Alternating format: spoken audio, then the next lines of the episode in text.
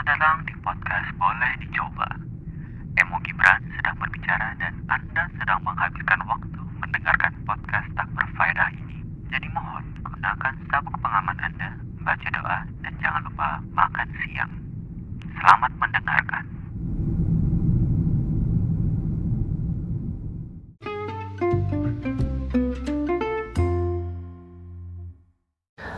Kalau misalnya kalian lagi langganan Netflix sekarang, ada salah satu film yang sek- sekarang tuh sering banget dan banyak banget yang update film ini.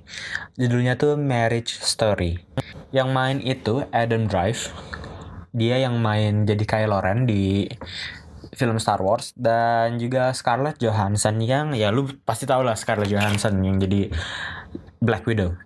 Iya kan Black Widow ya di Marvel movie. Nah, gue kepengen nge-translate sinopsisnya cuman karena gue takut salah jadi gue kayak kayaknya gue bakal baca bahasa Inggrisnya aja ya. Kayak sinopsis ini saya lihat di Google gitu ya.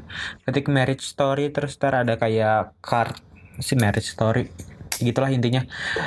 Sinopsisnya adalah a stage director and his actor wife struggle through a grueling coast to coast divorce that pushed them to their personal and creative extremes.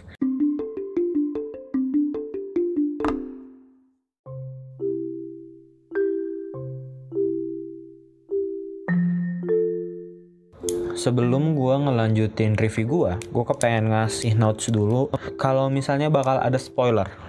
Jadi kalau misalnya kalian kepengen nonton dan gak mau ke spoiler, mendingan nonton dulu. Dan setelah nonton baru dengerin gua kayak lu setuju atau enggak. Kayak gitu. Jadi kita ntar bisa diskusi. Kalau misalnya misal kalian mau diskusi, mention aja gua di @emogibran, e m o g i b r a n Gibran di Twitter atau nggak di Instagram. I'm open for that. If I'm open for discussion if you want to discuss it. Nah, si film ini itu tuh sangat amat menarik menurut gua karena eh, Adam Driver si Kylo Ren ini menurut gue tuh sejujurnya gue ngerasa kayak actingnya tuh Hah, kayak oh udahlah oke aja lah gitu lah di film Star Wars. Sebenarnya dia main dia dia tuh udah banyak gitu sebenarnya. Kalau misalnya dilihat dari Google filmnya tuh sebenarnya udah banyak. Ada Black KK Klansman tuh gue nonton. Ini kan gue tuh nonton. Dan actingnya juga oke. Ceritanya juga bagus. Terus ada The Report Patterson Logan Lucky Silence This is where I Leave You Hungry Heart ya banyak lah ternyata filmnya. Tapi sepertinya memang saya kurang menonton film gitu ya kurang banyak. Jadi kayak nontonnya tuh cuman taunya tuh karena dia main di Star Wars aja padahal enggak dan banyak gitu. Nah di film ini actingnya gue gue gue senang sih dengan actingnya. Gue senang dengan acting Adam Driver dan juga gue senang dengan actingnya Scarlett Johansson.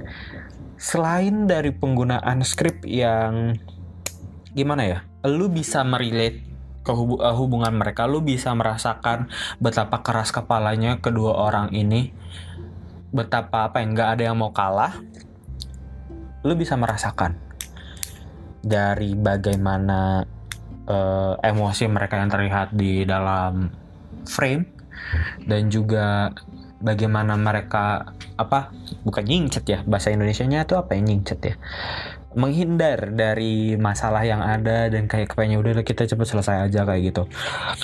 Terus gue nah kar- karena gue nggak bahas yang tadi apa ya emosi yang terlihat di di frame itu gue juga kepengen gue juga seneng dengan penggunaan apa ya kayak shot-shotnya. Itu tuh kayak banyak banget maknanya.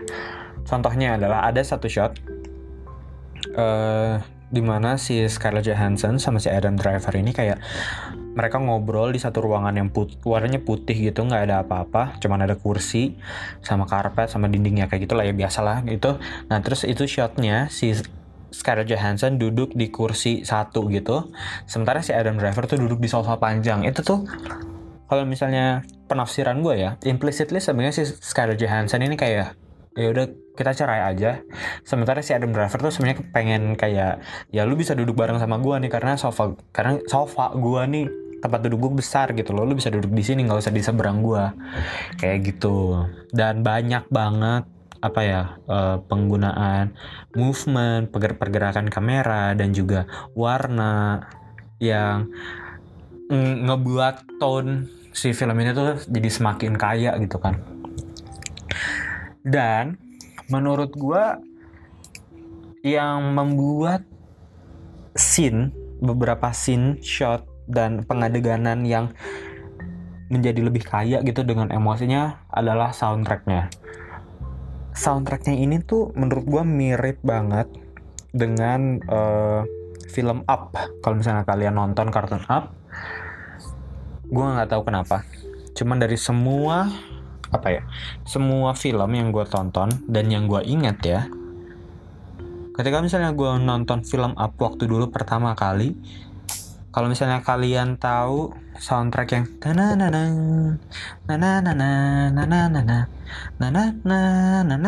na na soundtrack yang itu itu tuh rasanya tuh kayak hangat kayak menenangkan tapi juga sedih dan apa ya? Iya dan sedih secara bersamaan gitu. Jadi kayak senang dan sedih tuh bersamaan gitu loh nah soundtrack untuk film ini itu juga sama. Notesnya itu mirip banget kayak film Up gitu. Uh, memang kalau misalnya kalian cari di YouTube tuh ya itu tuh ada kayak kalau misalnya lu pakai kunci mayor sama kunci minor itu tuh sangat mempengaruhi uh, psikologis lu gitu. Dan itu sangat amat apa ya ngebentuk tone dari uh, apa ya ngebentuk emosi ngebentuk emosi lo gitu loh. Jadi ketika misalnya lo pakai soundtrack yang kuncinya mayor atau kuncinya minor atau crash atau apa gitu itu tuh uh, nge-set up moodnya tuh bisa kuat. Kalau misalnya lo bener em kalau misalnya emang soundtrack yang lu bikin itu sesuai dengan uh, pengadeganan itu. Dan Marriage Story ini menurut gua itu tuh cocok banget soundtracknya. Sehingga ketika misalnya lu merasakan apa ya kehangatan merasakan apa ya kayak kekeluargaan gitu itu tuh uh, dapat gitu loh. Tapi secara bersamaan juga lu merasakan kesedihan yang dirasakan oleh si karakternya. Dan menurut gue itu berhasil banget. Ya, memberikan apa ya rasa apa ya iba. Bukan iba tapi lebih kayak rasa mengerti terhadap emosi si karakter itu. Jadi uh, gue seneng banget sih. Sebenarnya kayak ada beberapa gambar yang memang memperlihatkan kedua belah orang ini sebenarnya kurang lebih sama. Kurang lebih sebenarnya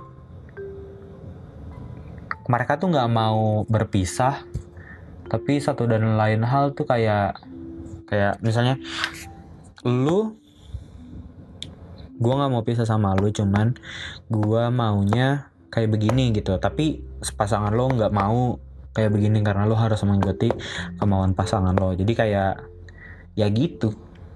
Gimana sih maksudnya ya, ya gitulah.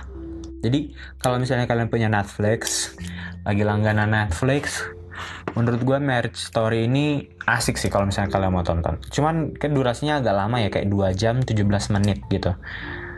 Gue nonton ini tuh gue punya kebiasaan kalau misalnya gue nonton dan gue ngerasa bosan gue tuh uh, punya tendensi untuk ngecepetin 5 sampai sepuluh detik itu lo pakai key gitu kayak kanan kanan kanan kanan kanan gitu. Nah men uh, dan menurut gue film ini tuh menarik karena dari menit ke 0 sampai menit ke 120 gua tuh nggak mencet si arrow key ini sama sekali untuk nge-skip beberapa detik. Gue mulai mencet itu ketika udah mau selesai gitu loh karena menurut gue kayak oke okay, oke okay, oke okay, gitu. Ini udah ngelewatin klimaksnya ini udah mulai turun. Jadi kayak ya udah gitu loh. Nah dan karena itu ya menurut gue kalau misalnya lu nonton ini pas atau sebelum mau tidur atau pas Sabtu Minggu menurut gue ini cocok banget sih. Karena film ini tuh nggak berat sama sekali. Lu bisa menikmati kapan aja dan ketika mereka berantem tuh lu bisa ri, apa ya bisa mengerti emosi dari kedua karakter ini gitu. Jadi ini adalah salah satu film untuk refreshing seharian lo kalau misalnya lu bosen atau misalnya lu butuh apa ya ya refreshing sih ya. Itu lu bisa nonton film ini sih. Dan gue cukup merekomendasikan film ini kepada kalian yang sedang ingin menonton drama tapi nggak drama-drama banget.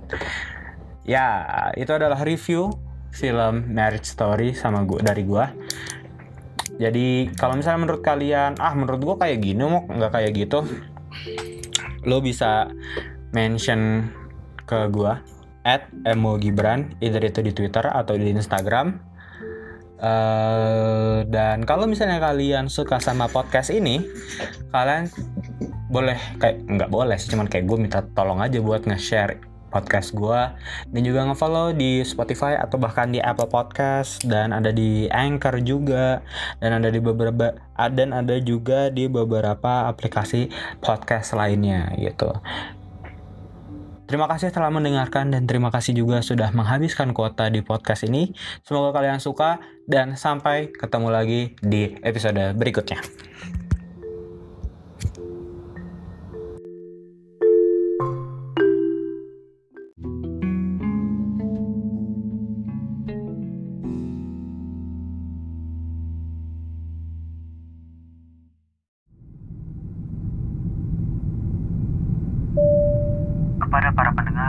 kasih telah meminjamkan kuping Anda. Jika Anda menikmati suara dan cerita saya, mohon jangan